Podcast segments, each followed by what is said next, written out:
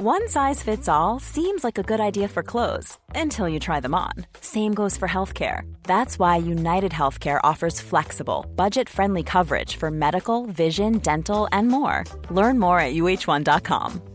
Even on a budget, quality is non negotiable. That's why Quince is the place to score high end essentials at 50 to 80% less than similar brands. Get your hands on buttery soft cashmere sweaters from just 60 bucks, Italian leather jackets, and so much more. And the best part about Quince, they exclusively partner with factories committed to safe, ethical, and responsible manufacturing. Elevate your style without the elevated price tag with Quince. Go to quince.com slash upgrade for free shipping and 365-day returns. Quality sleep is essential. That's why the Sleep Number Smart Bed is designed for your ever-evolving sleep needs. Need a bed that's firmer or softer on either side? Helps you sleep at a comfortable temperature? Sleep Number Smart Beds let you individualize your comfort so you sleep better together. JD Power ranks Sleep Number number 1 in customer satisfaction with mattresses purchased in-store. And now, save 50% on the Sleep Number limited edition Smart Bed for a limited time. For JD Power 2023 award information, visit jdpower.com/awards. Only at a Sleep Number store or sleepnumber.com.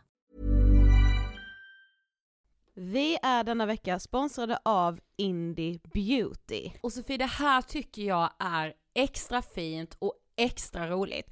Ja men Indie Beauty är ju ett skönhetsvarumärke som jag tror att väldigt många känner till, men det jag älskar mest det är att Indie Beauty liksom vill vara mer än bara produkter, vilket de ju också är. Exakt. Indie Beauty står ju för Independent Beauty, skönhet på dina villkor och för din egen skull.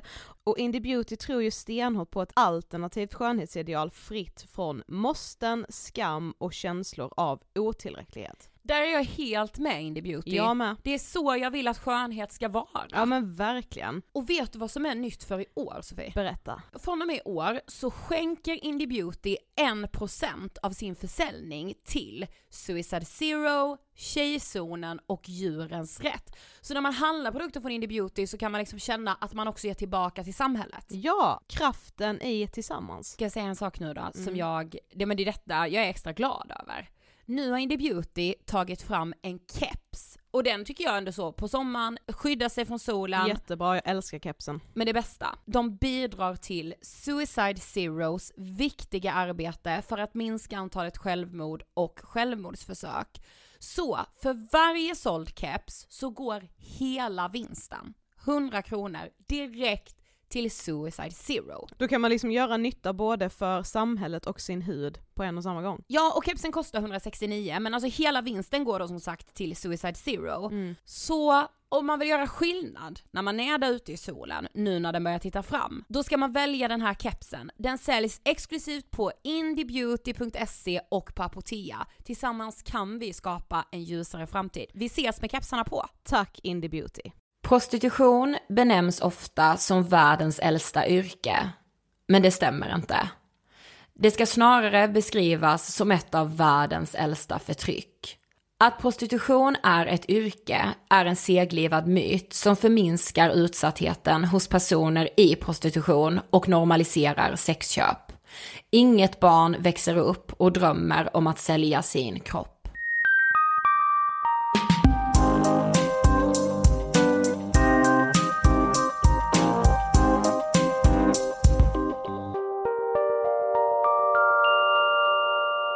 Hej och välkomna till det mycket viktiga avsnitt 235 av Ångestpodden. Hej allihopa! I talande stund Sofie så är ju jag i Italien ja. när det här avsnittet släpps. Mm. Jag har börjat kolla på lite, jag är lite sugen på Berlin. Ja det kan vara så att du är i Berlin. Så vi, ja, vi, no, nu hårdrar vi det. Det kan vara också så att jag är typ på Öland. Ja men det, Öland är se. mys. Ja, jag har lite planer inför vecka 30. Ja det ska ju sägas att jag inte åker till Italien i en handvändning. Det här är något som har sparats och återsparats till väldigt Vänts länge. på varenda jävla krona. Ja, för Italien är dyrt. Amalfikusten där jag också nu befinner mig är ju väldigt, väldigt dyrt. Men det är också ett drömresmål, väldigt ja. fint är det ju. Jag har drömt sen, jag vet inte, jag var typ 14 och jag bara så här, jag vill verkligen, verkligen dit. Mm, fint. Ja, det mm. ska bli kul. Ja. Men du, jag sa ju det i början nu att det här är det mycket, mycket viktiga avsnittet, avsnitt 235. Ja, förra veckan gästades vi ju av Simon Häggström Mm. som ju är eh, liksom ansvarig över prostitutionsgruppen i Stockholm. Mm, prostitutionspolis är han. Mm, precis. Eh, och vi nämnde det också förra veckan, men år 2017 i början eh, så gjorde vi en serie i Ångestpodden som vi döpte till Vi måste prata om prostitution. Yes. Den börjar på avsnitt 105 och varar till avsnitt 110 av Ångestpodden. Så har du inte lyssnat på det tycker jag verkligen, verkligen, verkligen att du ska göra det efter det här avsnittet. Yes, det vi gjorde då var mycket att fokusera på prostitutionen som sker bland kvinnor som kommer, ofta kommer från extrem fattigdom, eh, från utsatta länder. Men förra veckan pratade vi om sugar dating, om prostitution som finns alltså mitt framför ögonen på oss, hela tiden. Det vi saknade i serien om prostitution 2017 var ju någon som kunde prata om hur det är eller har varit att sälja sex i nutid. Vi Precis. hade då med Elise Lindqvist, ängeln på Malmskillnadsgatan. Otrolig människa. Ja, och hon eh, blev ju både exploaterad själv och sålde sex. Eh, men det var ju liksom för, för väldigt länge sedan. Och då saknade vi helt enkelt bilden av hur det kan se ut idag. Ja, för när Elise liksom själv sålde sex så fanns ju inte de här liksom apparna och sidorna som det gör idag. Det är Nej. liksom väldigt lätt att hamna i prostitution idag eller att liksom hamna där utan att det först är tanken. Precis. För du kan få ett DM på Instagram, ett Ja. oskyldigt litet privat meddelande. Ja. Men grejen var att när vi gjorde det här tidigt 2017, då hade ju inte metoo ännu briserat i Precis. sociala medier. Eh, och när det gjorde det så startades ju en mängd olika uppror. Eh, till exempel tystnad tagning, Exakt. eh, inom skådespelare, alltså det var ju en rad olika yrkesgrupper där kvinnor gick samman och startade sina uppror. Och i samband med det här kom kanske det allra viktigaste upproret av dem alla, nämligen hashtag inte din hora. Precis, och det nämnde ju faktiskt Simon redan förra veckan eh, som ett så viktigt steg i rätt riktning. Alltså jag beundrar de här svincoola tjejerna som driver det här.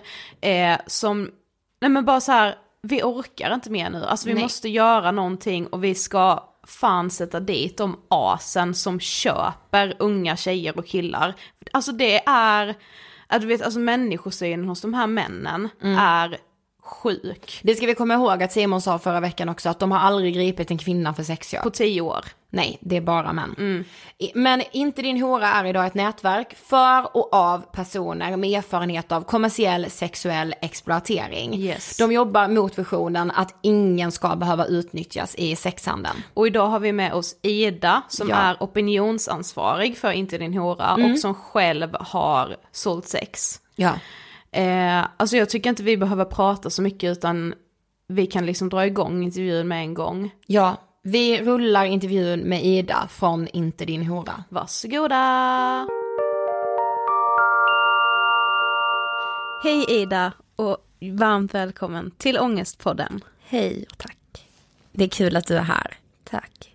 Eh, men innan vi sätter igång så ska du få berätta, vem är du? Ja, eh, jag heter då Ida Wassholm och jag är 26 år gammal och jag kommer ursprungligen från en liten by i Jämtland som heter Duved. Eh, men har bott i Stockholm i fem år. Eh, och jag är socionom till yrket och jobbar just nu med våld i nära relationer inom socialtjänsten. Eh, och jag har också erfarenhet av eh, prostitution från att jag var 17 eh, år gammal till 19 huvudsakligen och sen har jag haft lite återfallsperioder efter det. Mm och är också styrelseledamot inom eh, organisationen Inte din hora. Eh, och det är väl främst anledningen till att jag är här idag. Och där jobbar jag främst med eh, opinion och utåtriktat arbete. Kontakt med tidningar och poddar och sådär. Glada att du är hos oss Ja men idag. verkligen, vi är så Tack. tacksamma. Kul. Eh, vad tänker du på när du hör ordet ångest? Eh, ångest för mig är väldigt många olika saker. Eh, jag har genom åren haft väldigt många olika ångestdiagnoser och har därför väldigt svårt att ge ett svar på det. Eh, För att det kan betyda så otroligt mycket. Det kan vara dels ångest över någonting man behöver göra eller vardagsångest eh, över något man måste ta tag i, men det kan också vara ett, ett svårt sjukdomstillstånd som gör mm. att man inte tar sig upp ur sängen och inte kan eh, ha ett jobb och försörja sig eller liksom någonting.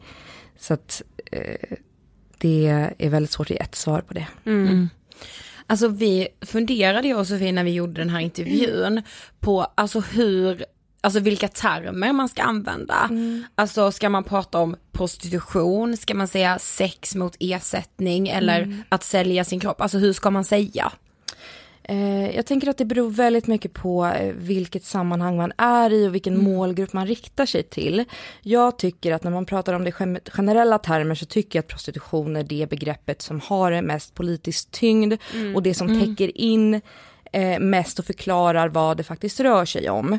Eh, sen vet jag att eh, mycket inom så ungdomsvård och inom behandling med ungdomar att man gärna använder sig av begreppet sex mot ersättning. Mm. Och det tycker inte jag är fel för det handlar också mycket om att inte skrämma bort de man möter och mm, låta ja, den precis. klienten eller ungdomen definiera sina egna problem och vad man behöver hjälp med. Ja. Men jag tycker att det är viktigt att prostitutionsbegreppet finns med för det är mm. i slutändan det det handlar om även om kanske inte den specifika ungdomen ser det som det. Ja. Jag tror många av våra medlemmar inte din hora Eh, för många har det suttit väldigt långt innan att benämna det prostitution. Eh, de flesta gör väl det idag, inte alla. Eh, men de flesta gjorde inte alls det när de var aktiva i prostitution. Okay. Mm. mm. Ja. Mm. Men du var 17 år när du började sälja sex. Ja. Hur, började allting? Eh, för mig började det med eh, eh, det är väldigt många olika faktorer som var med i bilden. Jag har svårt mm. att komma ihåg vad som kom först och det är ju också en del i den eh, PTSD-problematik, posttraumatisk stress som jag mm. har haft efter mm. det. Eh, men det var en kombination av tidigare psykisk ohälsa, jag hade min första depression när jag var 13. Eh, det var också eh, en våldtäkt som jag drabbades av som gjorde att de sexuella gränserna försköts väldigt mycket och jag hamnade i sexuella relationer som jag kanske inte riktigt ville ha och drogs in i den svängen. Mm. Eh, och så eh, bodde jag ensam. I, jag flyttade hemifrån när jag var 15 för att börja mm. gymnasiet mm. i en annan stad. Mm. Eh, och hade väl ingen riktigt som hade så superkoll på mig. Även om mina föräldrar gjorde så gott de kunde så var det ju lättare att, att dölja saker när jag inte mm. bodde på mm. samma ställe. Eh, så jag skulle säga att det var en kombination av faktorer och att det liksom smög sig på. Och det handlade om att först ha sex med personer som jag inte ville och sen så kanske få saker i utbyte och sen så var man i någonting som man inte riktigt kunde stoppa. Mm. Så.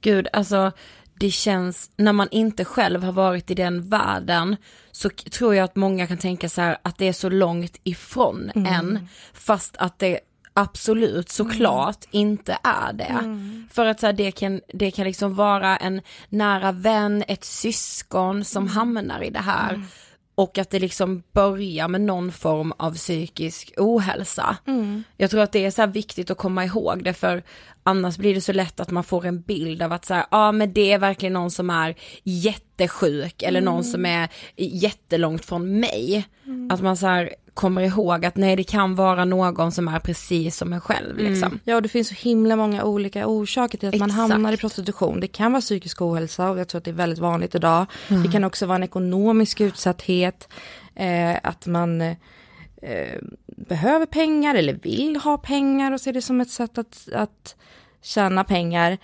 Eh, men ofta är det en blandning av massa olika saker så det är svårt att peka på en mm. enskild grej. Mm. Också någonting vi har sett bland våra medlemmar är eh, att det nästan alltid finns sexuella övergrepp med mm. i bakgrunden. Mm. Och det kan vara i barndomen eller i ungdomen eh, så. Men det är nästan uteslutande att det finns någon form av, av sexuellt trauma med. Oh.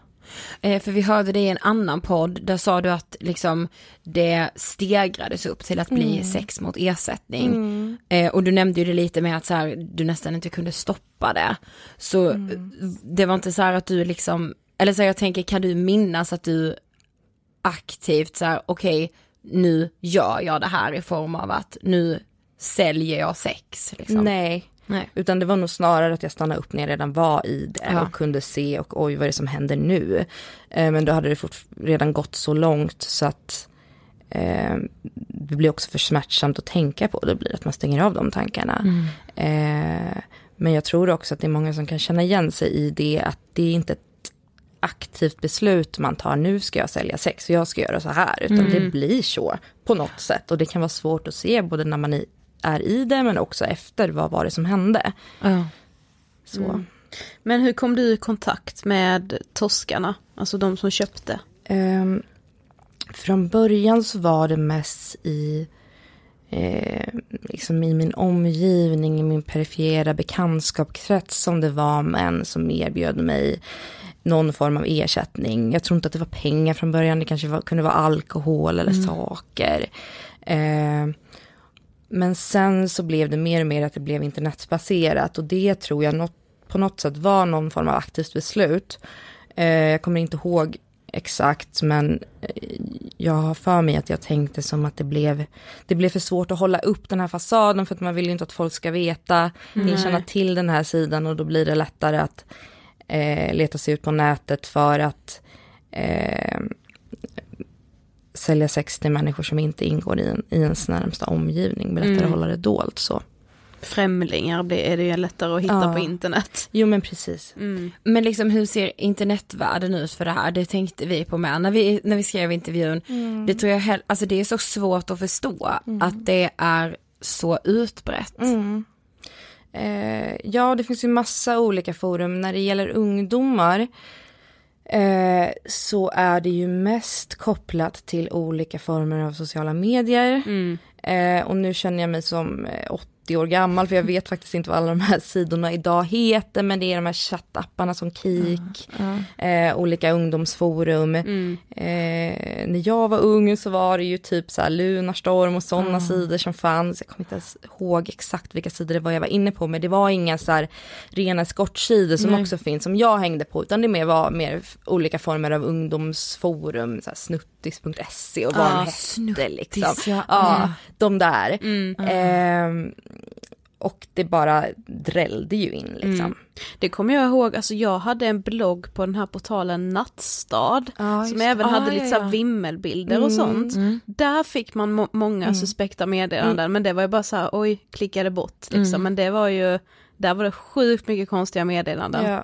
Och har man då en sårbarhet i botten i form av psykisk ohälsa eller sexuella övergrepp så är det nog ganska lätt att man inte klickar bort det. Precis. Exakt. Utan man, eh, ja men det kan vara att man försöker döva sin ångest på något sätt eller man behöver pengar eller att man eh, vill ha bekräftelse Mm. eller vad som Ja man ska ju också komma ihåg att många av de här toskarna är ju väldigt smarta så de behöver inte ens skriva så konstiga meddelanden från början utan Nej, bara gud, så här nej. charmiga, vet exakt vad de ska Och skriva. när det gäller barn och ungdomar då är det ju nästan alltid så det börjar med grooming, att de här männen letar efter ensamma utsatta tjejer, Mm. eller pojkar för den delen också.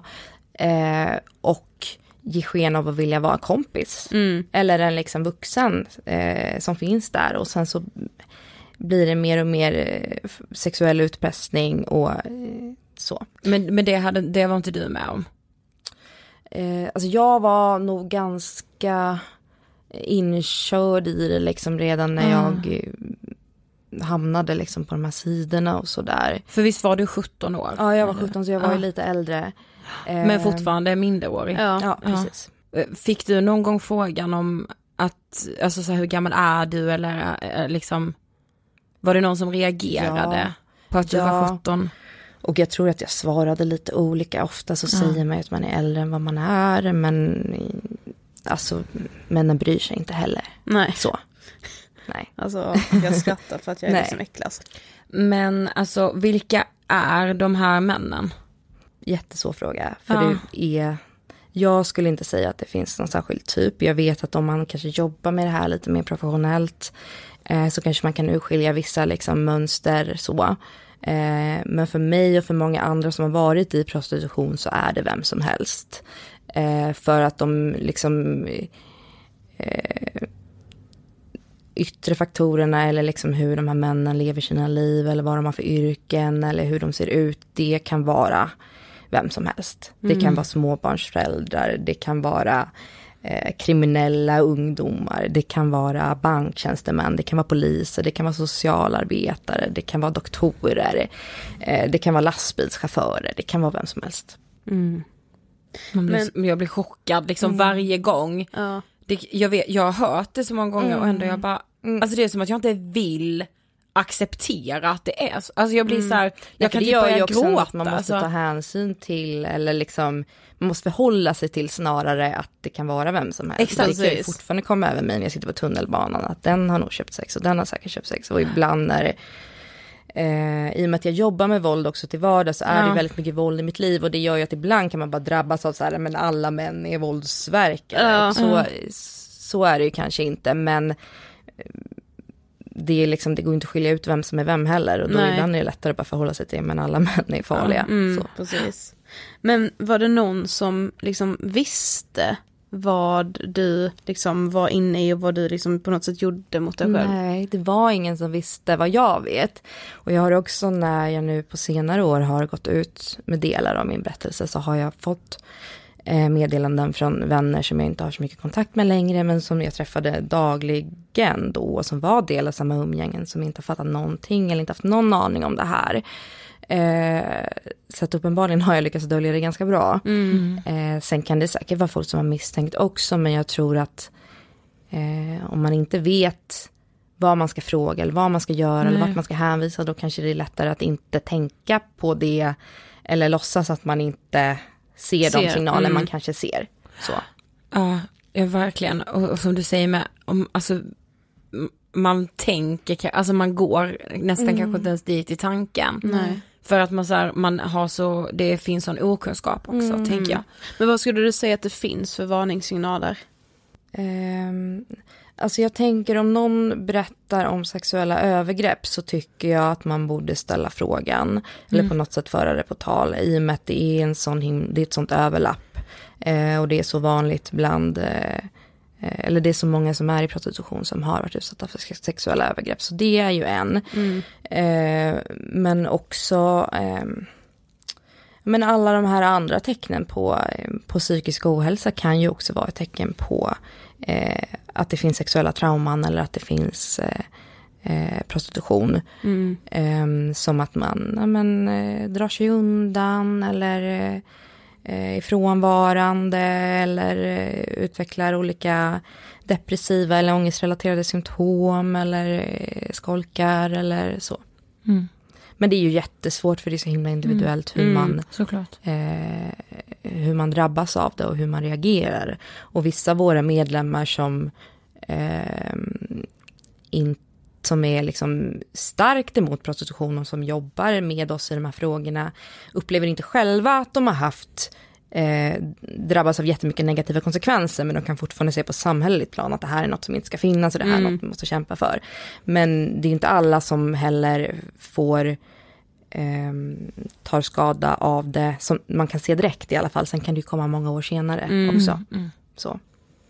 Men alltså där och då, alltså under de här två åren från 17 till 19 år, alltså hur mådde du i allt det här, stannade du upp och kände efter? Nej, det tror jag inte att jag gjorde, utan jag har alltid varit väldigt högpresterande i skolan, så det jag fortsatte med det.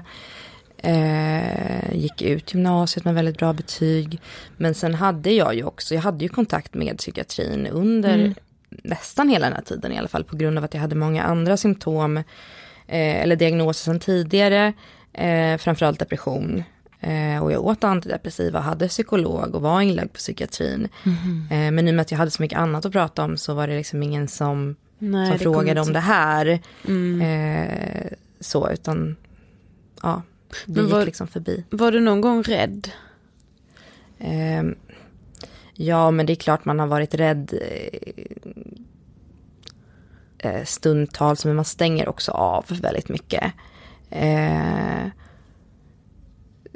Och det är väldigt svårt att komma ihåg. Jag tror också att alltså, människan har en tendens att förtränga saker som är jobbiga och som är smärtsamma. Och eh, det tror jag att jag har gjort väldigt mycket. Att jag har väldigt svårt att nå de känslorna och jag kan liksom eh, jag har väldigt svårt att sätta mig in i mig själv i den situationen. Att det känns väldigt avlägset och det känns väldigt långt bort. Eh, men, men det har jag, var jag säkert många Mm. gånger. Så. Mm. Men hur gick det sen till när liksom det här fick ett slut? Eller när du blev 19 och... Mm. Here's a cool fact a crocodile can't stick out its tongue. Another cool fact you can get short term health insurance for a month or just under a year in some states. United Healthcare short term insurance plans are designed for people who are between jobs, coming off their parents' plan, or turning a side hustle into a full time gig. Underwritten by Golden Rule Insurance Company, they offer flexible, budget friendly coverage with access to a nationwide network of doctors and hospitals. Get more cool facts about United Healthcare short term plans at uh1.com. Hiring for your small business? If you're not looking for professionals on LinkedIn, you're looking in the wrong place. That's like looking for your car keys in a fish tank.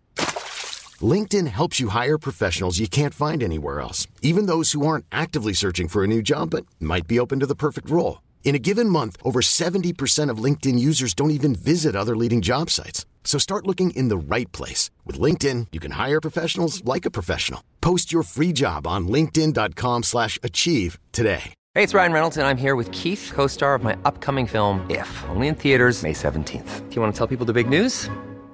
All right, I'll do it. Sign up now and you'll get unlimited for $15 a month in six months of Paramount Plus Essential Plan on us. Mintmobile.com slash switch. Upfront payment of $45 equivalent to $15 per month. Unlimited over 40 gigabytes per month. Face lower speeds. Videos at 480p. Active Mint customers by 531.24 get six months of Paramount Plus Essential Plan. Auto renews after six months. Offer ends May 31st, 2024. Separate Paramount Plus registration required. Terms and conditions apply if rated PG. Eh, ja, jag tog studenten. Ja. Eh, då, 2012 tror jag att det var. Och Ja, är du sen- 93? Ja, precis. Ja, som, som vi. Ja, precis. Och då eh, bodde jag ju i den här lägenheten i Östersund. Eh, men jag hade mina föräldrar kvar i Duved. Och hade inte, alltså jag var inlagd på psykiatrin tror jag, alltså en sväng några månader tidigare. Och var liksom väldigt, eh, mådde väldigt, väldigt dåligt. Och jag hade liksom ingen möjlighet att planera för någon slags framtid. Eller lista ut vad jag ville göra och så. Utan jag flyttade bara hem till mina föräldrar. Eh, och då blev det som att det blev ett ganska abrupt slut eh, på den perioden. Men sen i och med att jag inte bearbetade de här traumana jag hade så eh, har grundproblem, eller grundproblematiken funnits kvar och det har gjort att så här, kriser senare i livet har kunnat utlösa återfall och sådär. Ehm, och det tror jag också är ganska vanligt att även om det eh, uppstår liksom skyddsfaktorer eller något som gör att man tar sig ur det tillfälligt så jag, kommer man inte till rätta med vad det är som har fått den där, hamna där från början så tror jag att det är lätt att, att ramla tillbaka. Mm. Men du fick alltså diagnosen PTSD liksom långt senare eller? Ja, det fick jag långt senare. ja.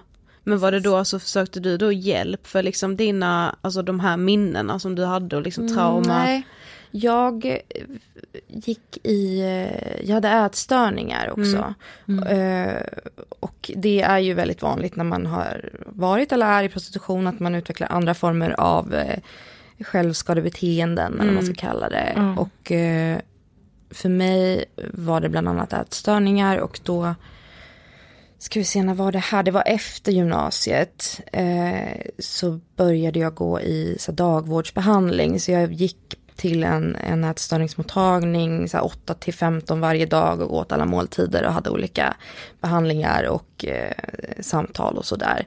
Och där hade jag en kontaktperson som jag fick en väldigt bra relation till och som eh, där jag berättade för första gången om eh, att jag var utsatt för sexuella övergrepp. Men jag berättade ingenting om prostitutionen. Men jag berättade om eh, den här första våldtäkten som utlöste Löste. Mm. prostitutionen. Och i samband med det tror jag att jag fick eh, PTSD-diagnosen. Men vad har du fått för hjälp? Alltså vad får man för hjälp efter att man har varit i prostitution generellt? Jag har inte fått så mycket hjälp alls ska jag säga. Ehm, det har varit väldigt mycket kastande mellan olika enheter också i och med att jag har haft multiproblematik. Jag har haft väldigt många diagnoser, väldigt många som jag inte tror stämmer. Ehm, men det finns en tendens att, att vilja förklara saker både, både hos en själv men också från vårdens sida. Ehm, och det har varit fokus på väldigt mycket andra grejer och det är väl för att jag inte har berättat förrän ganska sent eh, om prostitutionen. Men även efter det att jag hade berättat om eh, sexuella övergrepp så har jag inte fått någon ordentlig behandling. Jag tror att jag blev remitterad i Östersund till någon så här ångesttraumamottagning men att det tog väldigt, väldigt lång tid. Och sen när jag väl fick komma in där så skulle jag flytta till Stockholm och då avbröts det och sen har jag sökt hjälp i Stockholm och då kraschade hela den mottagningen. Så då stod jag i kö till traumabehandling i två år här. Alltså så Mm. har det bara, bara varit. Liksom. Ja, precis. Och när jag väl har blivit erbjuden hjälp, det var typ inte alls länge sedan och då kände jag att jag hade kommit på fötter så pass bra själv. Så att då kändes det lite överflödigt och jag var också väldigt trött på psykiatrin och bara nej men nu orkar jag inte med Ja, här längre liksom. Ja. Så att jag, jag har nog fått lösa mycket själv och många i min eh, omgivning eh, vänner och partner och sådär. Eh, har varit ett väldigt stort stöd och också mitt politiska arbete i Inte din hora men också politiskt engagemang tidigare och så här, läsa mycket böcker och, och eh, feministisk teori och eh, om eh, böcker om prostitution och sådär. Har hjälpt mig mycket mer än vad psykiatrin har gjort skulle jag säga. Få en mer strukturell förståelse för vad det handlar om. Precis. Nu har vi ju liksom nämnt inte din hora flera gånger Mm. men om det är någon som liksom mot förmodan har missat vad det är, liksom berätta lite om Ja, inte din hora. självklart. Inte din hora startades hösten 2017 som ett metoo-upprop. Eh, och det var då eh, våran eh, eminenta Gabriella som eh, följde metoo och eh, alla de här branschupproren som kom en efter en och tyckte att det saknades någonting.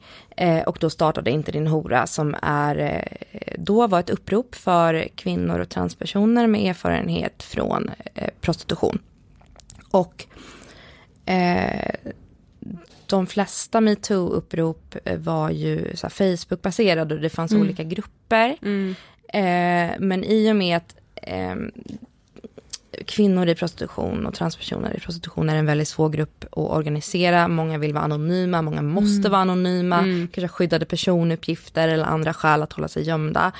Eh, och eh, så det funkade inte riktigt med den formen. Så då startade de på Instagram och eh, eh, ett konto där och eh, bad om berättelser. Och fick in väldigt många berättelser på väldigt kort tid och släppte som alla andra upprop i DN tror jag att det var. Ja, just det. Mm. Ja.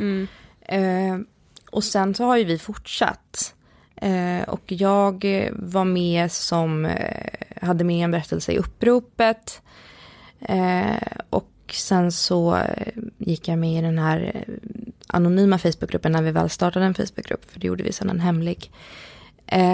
Så jag var med på något, något möte eller någonting tror jag med dåvarande jämställdhetsministern och träffade Gabriella första gången och eh, så behövde de en ny till admingruppen så då gick jag med där. Och sen har vi ju fortsatt att utveckla vårt arbete och eh, startat upp en, en ideell förening.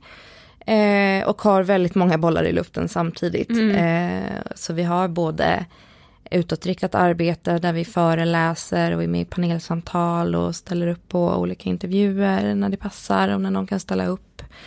Eh, sen har vi också möten med eh, verksamheter som polisen, socialtjänsten och skolor. Eh, och sen har vi också en stödverksamhet som är den som vi verkligen vill utveckla.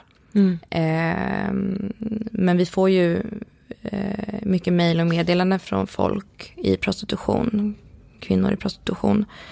Eh, där vi liksom gör vårt bästa för att ha kortare stödkontakter eller hänvisa vidare till eh, institutioner eller eh, organisationer som vi tycker är bra.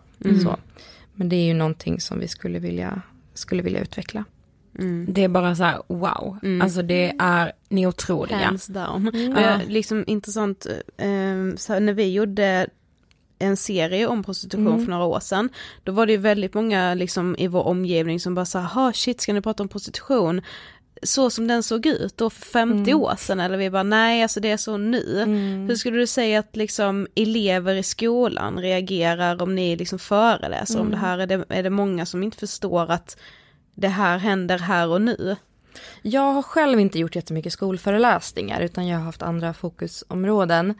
Eh, men jag tror, eller vad jag har hört från de andra så är det ju eh, många som det kommer som en chock för, men jag Mm. tror också att det är många som vet. Ja. Och många i den eh, åldersgruppen, i grundskolan, gymnasiet, högstadiet, de är ju själva ute på nätet och Mm. på de här sidorna och Mm. de vet ju vad, vad de får upp, eh, unga Mm. tjejer liksom. Så jag tror att det är många som inte heller blir så förvånade. Mm. Men vi, du, vi, eller vi pratade lite om det här innan vi satte på mickarna, men ibland så pratas det liksom om så här, den lyckliga horan och att det målas upp en bild av att, ja men, att så här, eh, det finns faktiskt de som vill eh, sälja sex, alltså vad tänker du kring, kring den mediala bilden som målas upp ibland? Jag tänker att den är väldigt skadlig för det eh, arbete som eh, vi försöker göra, som många andra organisationer försöker göra eh, för att lyfta prostitutionsfrågan. Dels för att det är en liten grupp som tar väldigt mycket plats eh, och väldigt mycket medialt utrymme, eller har gjort det i alla fall. Nu har det ju skett en liten svängning. Exakt. Men också tycker jag att man måste prata om vad kan en människa samtycka till? Eh, när det gäller eh, när det gäller sex. För att eh, alltså prostitution, det ligger ju i prostitutionens natur att man förhandlar bort samtycket. Eh, och jag tycker att det, det finns en, ehm, eh, en större eh, en annan dimension av det än att bara, ja, men det är en liten grupp som tar väldigt mycket uppmärksamhet, utan man måste också prata om själva liksom, transaktionen, vad är det som händer? Och är det någonting som vi vill ska finnas i ett samhälle? Och vilka är det som utsätts för det här? Och vad finns det för bakgrundsfaktorer som gör att man hamnar i, hamnar i det här? Och där är ofta psykisk ohälsa, ekonomisk utsatthet eller liknande, drogmissbruk eller väldigt mycket transpersoner som gör det för att kunna finansiera eh, sin vård, som det är svårt att få vård. Eh, det är väldigt utsatta grupper som utsätts för det. Så att det är väldigt, jag tycker att det är eh, väldigt svårt att prata om frivillighet i det här. Verkligen. Gud vad bra sagt. Ja. Ja, men om man lyssnar på det här och själv är i prostitution just nu kanske, vad skulle du vilja ge för råd då? Gud vilken svår fråga. Det är jättesvårt att ge ett generellt råd i och med att det ser så olika ut. Men är det så att man vill ha hjälp att ta sig ur så kan man eh, kontakta oss. Så kan vi försöka att hitta något i den staden man bor i. Eh, eller så finns det om man bor i någon av de största städerna i Sverige. Eh, Stockholm, Göteborg eller Malmö så finns det ju de här MIKA-mottagningarna. Eh, som eh, man kan kontakta och få eh, samtal där.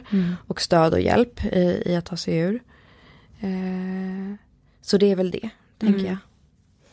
Vi har kommit till sista frågan, Eh, men innan så vill jag bara återigen tacka för att du kom hit och jag är så liksom, jag är så glad att inte din hora finns och jag tror verkligen att det kommer på sikt förändra så otroligt mycket Ja, och att- hjälpa. Att det blev så mycket mer än bara det uppropet. Ja, precis. liksom. Ja, jag tycker man ser så himla mycket nu på så här Instagram, kommentarsfält och så att när det kommer någonting eh, som är lite mer åt det här prostitutionsliberala hållet så är det alltid en, en eh, en, våg, av liksom, Mm. mestadels kvinnor som bara, nej men det här är inte, prostitution är inte frivilligt och det är utsatta människor som utsätts för det här. Och det såg man inte förut på Nej, samma det skulle sätt. verkligen jag precis. med säga att det har Ja, verkligen förändrats. verkligen. Det är fler som Jättestor vågar liksom skillnad. gå in i den debatten för man känner ju mycket tack vare inte din hora-kontot att så här, man har liksom kött på benen i den diskussionen. Precis. Innan Ja, var det så här, ah, men man, det finns de som vill, man bara okej, ja, Ja. nej jag ska vara tyst liksom. Men nu vågar Ja. man ge sig in i debatten mer. Ja, och det här med det här tolkningsföreträde är ju en väldigt, eh, det blir väldigt farligt i de här frågorna, dels för att det gör att allt ansvar läggs på de som har Exakt. erfarenheter, men också att man tvingas outa sina erfarenheter. Jag tycker att man måste, det måste finnas mandat att prata om prostitution utan att ha egna erfarenheter, för Ja. att man kan se, eh, det finns fakta, det finns liksom eh, teorier, det finns. Eh, Det finns väldigt mycket man kan referera till som inte är egna erfarenheter för att se att det här är fel. Det Ja, här precis. är ingenting som eh, bör finnas. Liksom. Det är så orimligt att bara så här personer som har varit utsatta ska driva den här frågan. Ja, Nej. nej, all, nej absolut inte. Okej, men vad inspirerar dig? Eh, vad som inspirerar mig? Eh, kvinnor inspirerar mig generellt skulle jag säga. Eh, alla mina kollegor, inte din hora såklart. Eh, men också, eh, jag menar allt det som sker nu kring prostitutionsfrågan, att det känns som det har fått väldigt mycket uppmärksamhet och så. Mm. Och det ger ju en, ehm, eh, en energiboost för att fortsätta Mm. eh, på samma spår. Och det känns som det är möjligt med förändring. Ja, Verkligen. Tack så jättemycket för att du vill gästa Ångestpodden. Tack så mycket.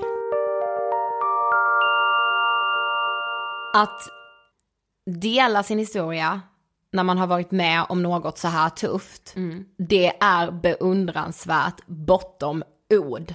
Ja, ja men det, är så, det är så modigt och viktigt och jag tycker som med egentligen alla typer av psykisk ohälsa att så här, de här nu låter det liksom sjukt när jag säger normalcasen, men alltså du vet de som bara finns runt omkring oss, det är liksom de historierna som är så jävla viktiga att lyssna på för att man ska förstå hur nära till hands det är för en själv. Ja. Alltså det är svårt att, att, att fatta att så här, ja men vad då prostitution, det kommer inte hända mig, när man tror att prostitution är en kvinna som går på Malmskillnadsgatan i Stockholm, som det var för typ 50 år sedan. Men så ser det inte ut idag. Nej, de finns ju också. Ja, Men det finns ju en marknad som är så betydligt mycket större. ja. Jag tycker det är viktigt Sofie, nu har vi ju haft två avsnitt om prostitution.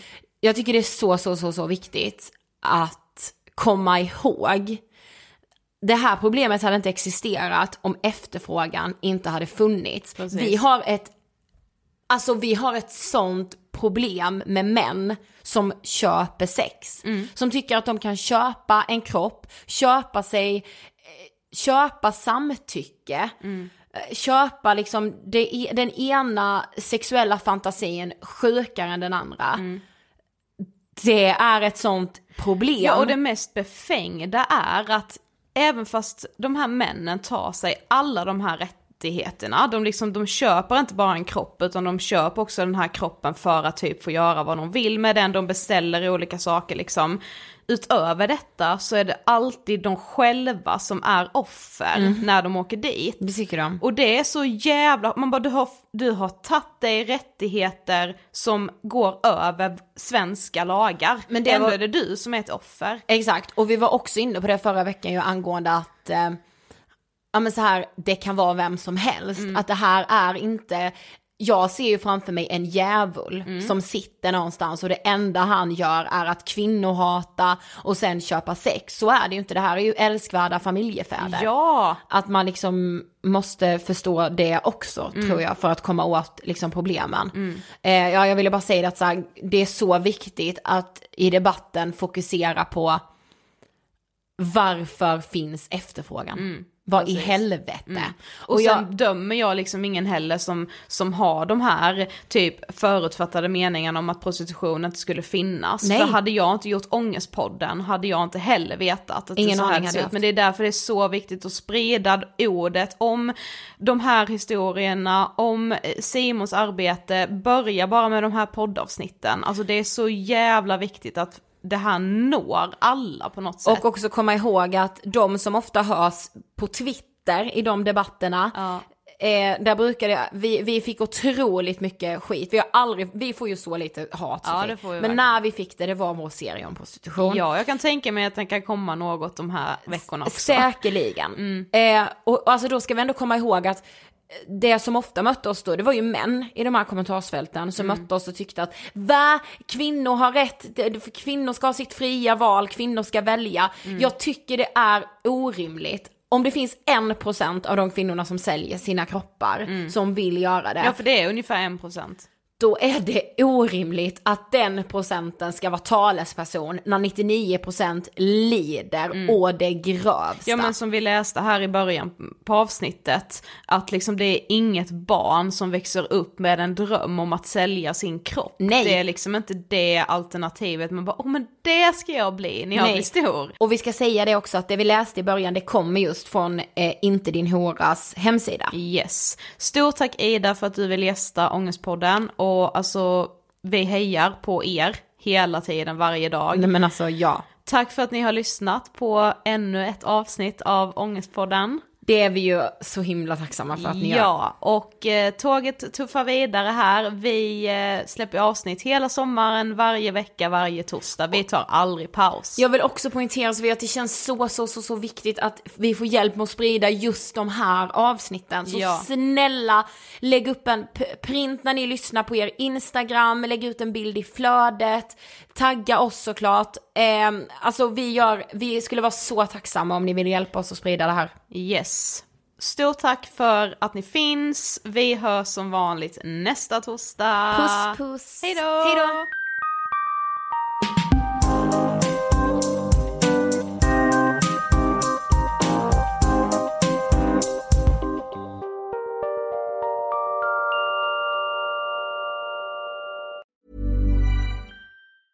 Hi, I'm Daniel, founder of Pretty Litter. Did you know cats tend to hide symptoms of sickness and pain? I learned this the hard way after losing my cat, Gingy. So I created Pretty Litter, a health monitoring litter that helps detect early signs of illness by changing colors, saving you money and potentially your cat's life. Pretty Litter is veterinarian developed, and it's the easiest way to keep tabs on your fur baby's health right at home. Go to prettylitter.com and use code ACAST for 20% off your first order and a free cat toy. Terms and conditions apply. See site for details. Planning for your next trip?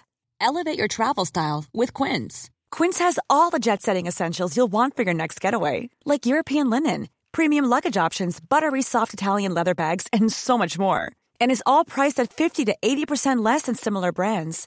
Plus, Quince only works with factories that use safe and ethical manufacturing practices. Pack your bags with high-quality essentials you'll be wearing for vacations to come with Quince. Go to quince.com slash pack for free shipping and 365-day returns.